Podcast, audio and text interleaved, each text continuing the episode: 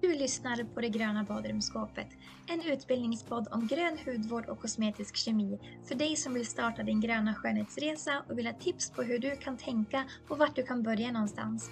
Men också för dig som redan använder gröna produkter och vill ha inspiration.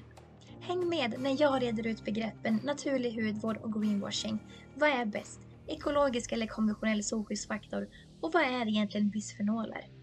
Ju mer kunskap du har om dina produkter i badrumsskåpet, desto lättare kan du göra ett medvetet val för både dig och vår miljö. Sanningen finns i ingredienslistan och den ska vi utforska tillsammans. Välkommen min gröna vän till det gröna badrumsskåpet.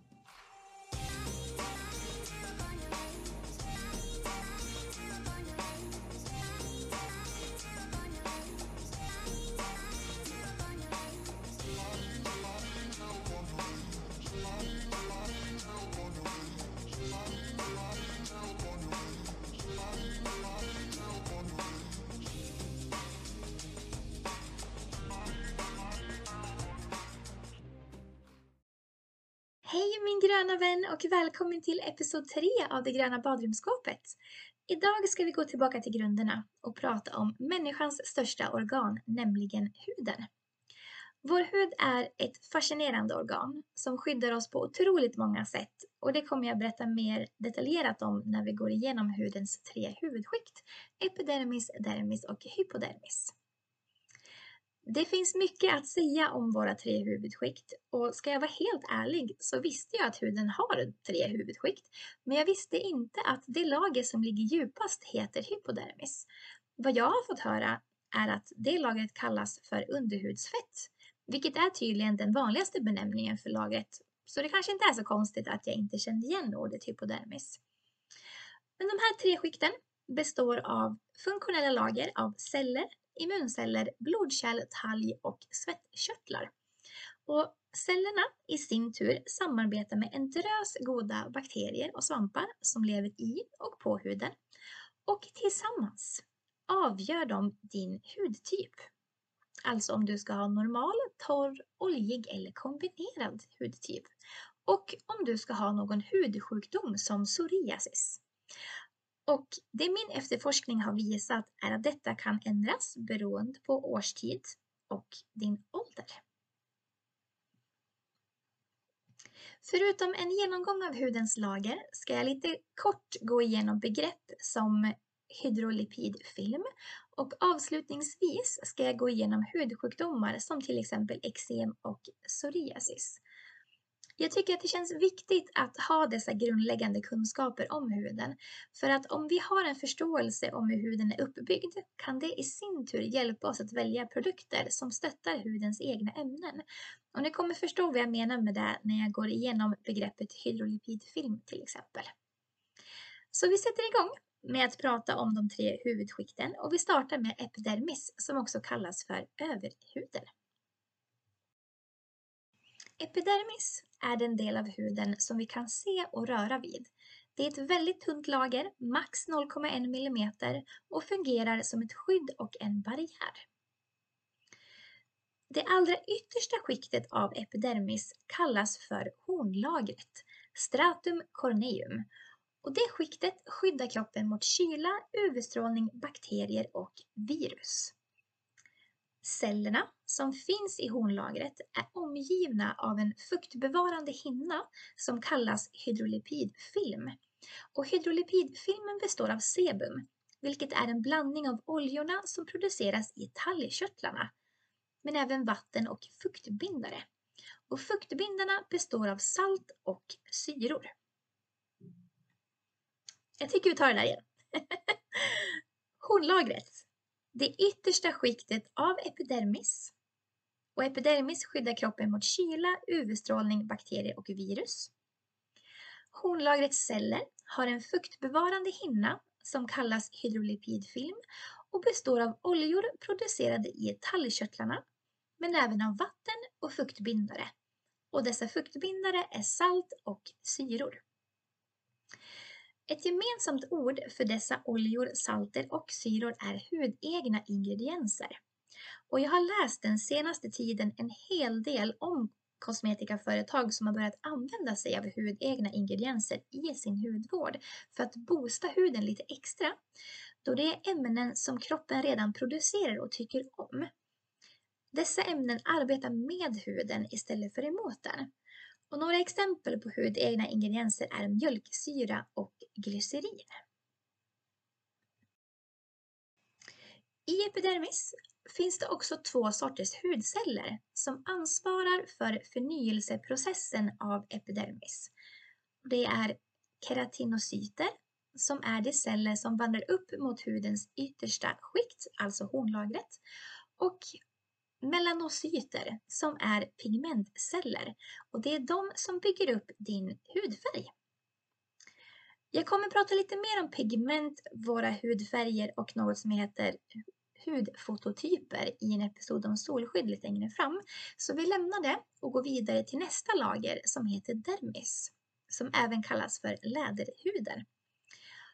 Och dermis har, precis som epidermis, särskilda funktioner. Dermis ger huden sin stabilitet. Den kontrollerar vår kroppstemperatur, förser epidermis med syre och näringsämnen, leder signaler från känselcellerna och backar upp vårt immunsystem. Och dermis består av kollagen och elastin, vilket är två proteiner som ger huden spänst och elasticitet. Dessa proteiner omsluts i huden av en geléliknande substans som innehåller hyaluronsyra. Och det här är ett ämne som kosmetikaföretag försöker tillsätta mer och mer i sina produkter, framförallt i anti-age-produkter, då hyaluronsyran kan tillsätta extra fukt till en hud där kollagenet har börjat minska, vilket har resulterat i att rynkor har börjat uppstå och huden har blivit slappare. För det är faktiskt så här att fuktighetshalten i huden är viktig för att skapa elasticitet och för att bibehålla hudens struktur och spänst. Efter 25 års ålder bryter vi ner mer kollagen än vad vi nybildar. Så vi förlorar cirka 1% kollagen varje år och genom att tillsätta hyaluronsyra försöker kosmetikaföretag motverka detta. Och hyaluronsyra är också ett hudeget ämne. Förutom hudegna ingredienser finns det i dermis tallkörtlar och våra hårrötter. Och om du minns så är det sebum från tallkörtlarna som tillsammans med vatten och salt från svett och syra från bakterier som bildar hydrolipidfilmen i epidermis. Om dina tallkörtlar producerar mer sebum än vad hudens porer kan hantera kan du få den hudtyp som definieras som oljig. T-zonen, alltså din panna, näsa och haka, kan påverkas mest av detta. Och så har vi hårrötterna. Där hårrötterna sitter finns melanocyternas stamceller, pigmentcellerna, som bestämmer din hudfärg som vi pratade om tidigare. Enligt min efterforskning migrerar cellerna från, det är ett ord som jag inte kan uttala, hår folliklarna, väldigt osäker på om det där stämmer, men de migrerar till epidermis och bildar sedan pigment. Vi har också tre miljoner svettkörtlar i dermis och ett nätverk av blodkärl som förser hela huden med syre och näringsämnen. Blodkärlen åtföljs av lymfkärlen.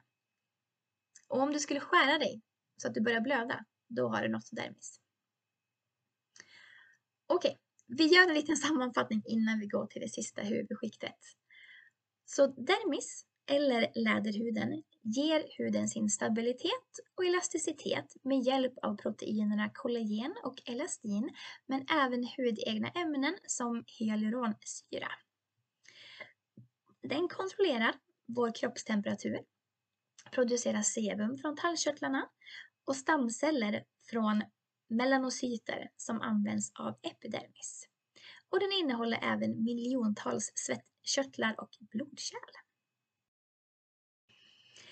Den sista av hudens huvudskikt är hypodermis.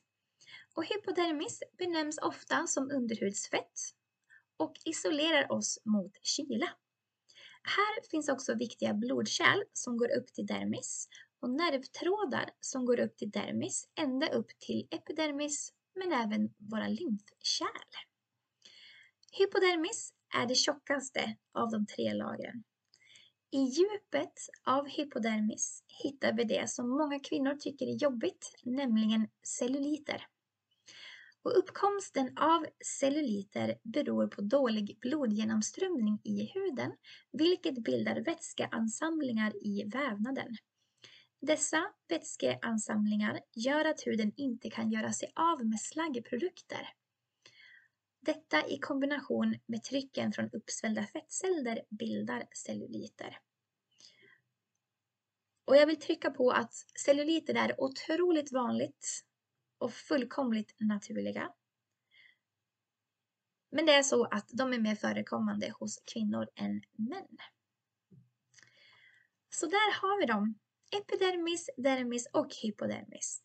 Och jag vet att jag sa i början att jag hade tänkt gå igenom olika hudsjukdomar idag, men jag tror faktiskt att jag gör en separat episod om detta. Eventuellt så kommer jag skapa ett blogginlägg på min hemsida, grönabadrumsskapet.com utan prickar, där du kan läsa mer om dem. För det är mycket information att ta in om epidermis, dermis och hypodermis och jag vill inte lägga på för mycket. Så vi avslutar dagens episod här istället. Vi har börjat nudda lite på kosmetisk kemi nu i och med att vi har börjat prata om hudegna ingredienser som kosmetikaföretag vill tillsätta i sina produkter. Och i nästa vecka ska vi prata mer om detta. Så med det vill jag önska dig en underbar dag eller kväll beroende på när du lyssnar och kom ihåg min gröna vän, sanningen finns i ingredienslistan. Vi hörs i nästa episod.